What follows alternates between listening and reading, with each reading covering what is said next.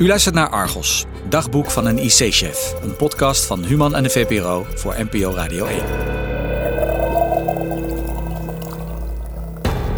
Alman Geerbus is hoogleraar intensive care geneeskunde en hoofd van de IC-afdeling van het VU Medisch Centrum.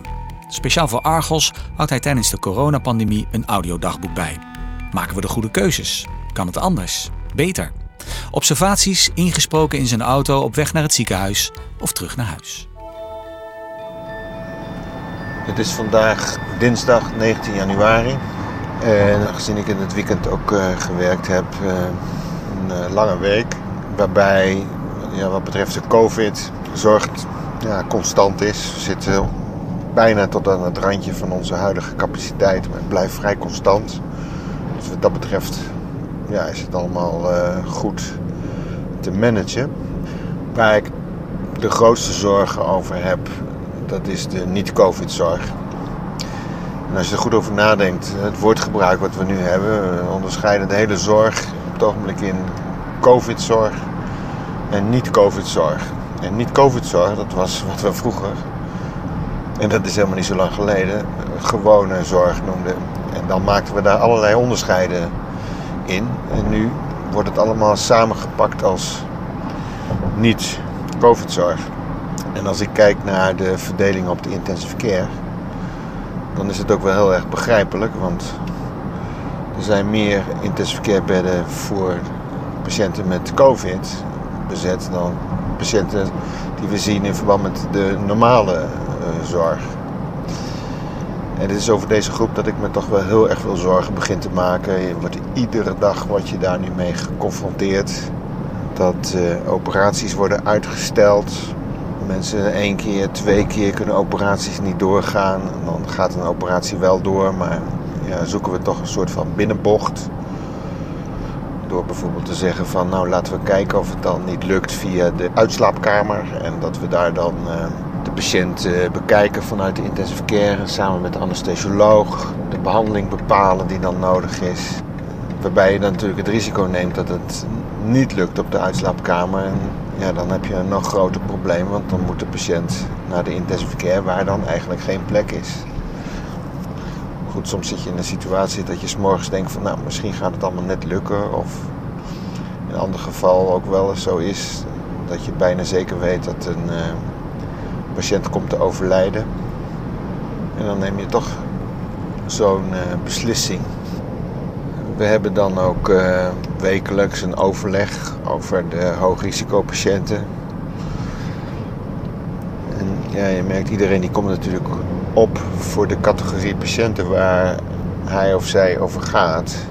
En ja, dat komt natuurlijk bij ons komt het allemaal weer samen op een uh, intensive care. Wij als uh, generalisten die over allerlei dingen samen gaan.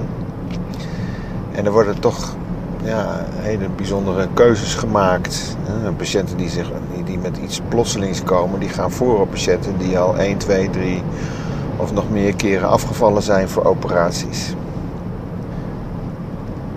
En zo word je ook voor de normale zorg iedere keer weer geconfronteerd met de consequenties van het COVID. En ja, het is niet dat je dat dag in dag uit zo tot op het randje balanceert, is niet echt heel erg leuk. Je moet ontzettend oppassen dat je ja, toch een normale professionele houding houdt. Dat je je niet laat merken dat je af en toe eens wat geïrriteerd ergens over bent.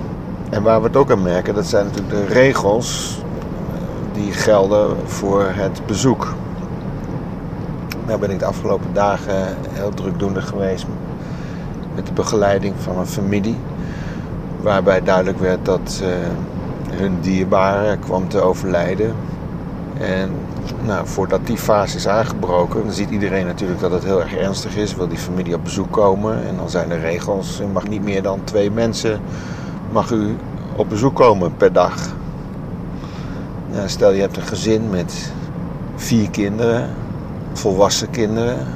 Ja, dat zijn natuurlijk onmenselijke beslissingen die je dan moet nemen. Zeggen van, nou ja, nee, mag maar twee, mag dat maar zijn. En ik vind het heel zwaar om dat uh, uit te leggen aan de mensen dat nou eenmaal zo de regels zijn. Dus zeggen die mensen, ja, waarom is het niet drie? Nou, dat weet ik eigenlijk ook niet. waarom is het eigenlijk niet vier? Nou, dat weet ik eigenlijk ook niet. Het enige wat ik weet is dat we moeten proberen het verkeer van mensen op een intensief verkeer zo laag mogelijk te houden. Dus wat dat betreft is nul mensen het handigste.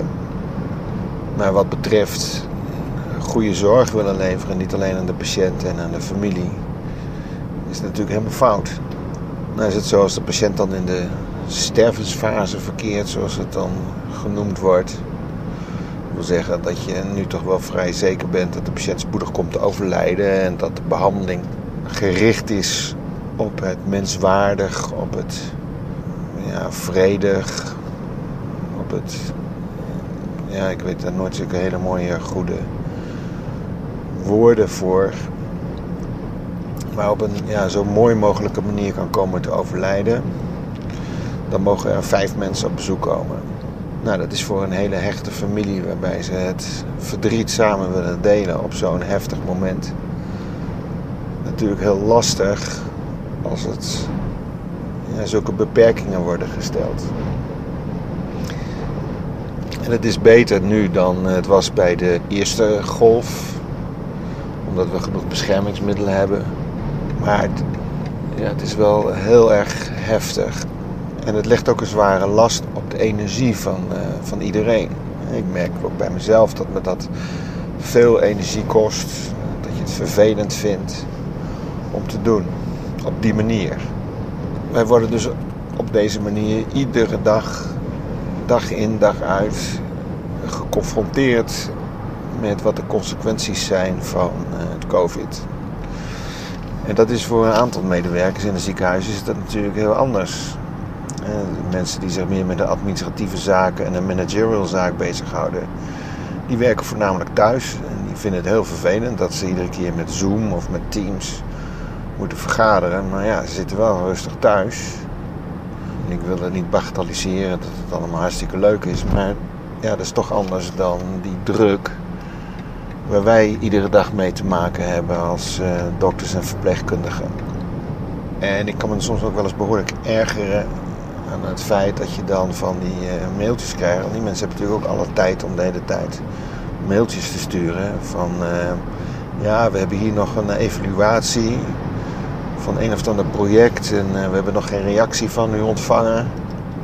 En ik merk aan mezelf dat het me steeds meer moeite kost om dan niet eventjes heel erg uh, cynisch of boos te worden. Dat ze zo weinig oog hebben voor ja, wat onze dagelijkse zorgen zijn. de mensen die met projecten bezig zijn, die onder normale omstandigheden natuurlijk feilloos passen bij wat we allemaal aan het doen zijn. Maar nu is alles gewoon even een tikkeltje anders.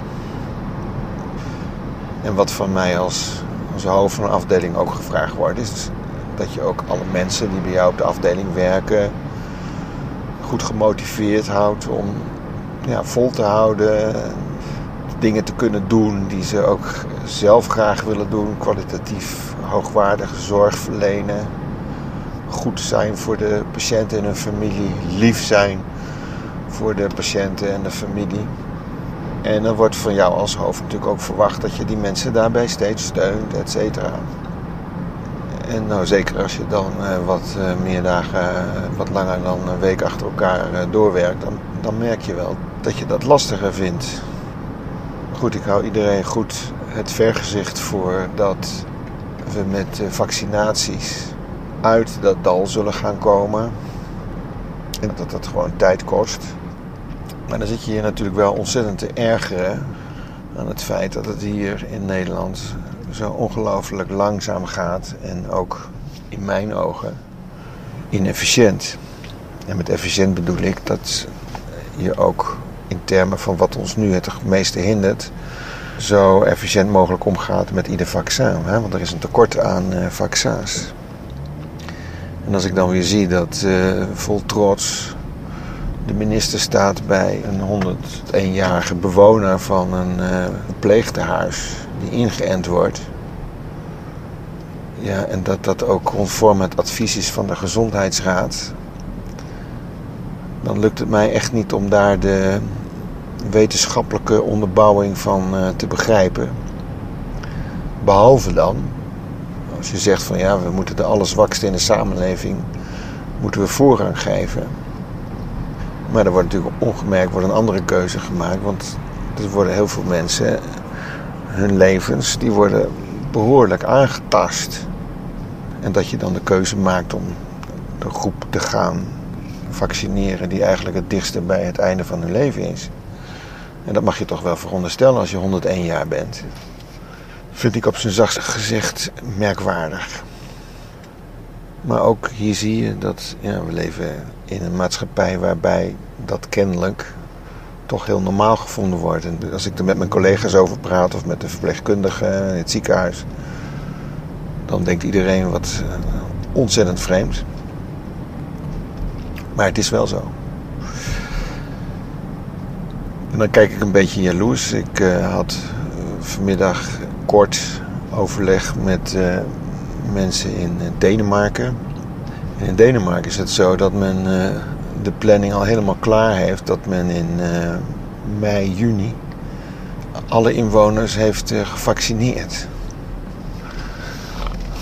Ja, pardon, denk je dan alle inwoners in juni, mei, juni reeds gevaccineerd. Ja, waarom is dat bij ons niet zo? Nou, dan weet ik wel dat het in Denemarken is een heel goed georganiseerde uh, gezondheidszorg, waar ze ook bijvoorbeeld databases van uh, patiënten heel goed geregeld hebben. Ik ben daar wel een, paar keer geweest, ook op congressen om daar praatjes uh, te houden. En kennelijk hebben ze dat wel voor elkaar gebokst. Tot zover het audiodagboek van Dr. Geerbers van vandaag. Als u zich op deze podcast abonneert, kunt u regelmatig een nieuwe bijdrage van hem beluisteren. Kijk voor meer informatie op vpro.nl/slash argos. Daar vindt u bijvoorbeeld ook het audiodagboek van een huisarts en nog veel meer interessante artikelen. Vindt u deze podcast de moeite waard? Laat dan een review achter in Apple Podcasts. Dank u wel.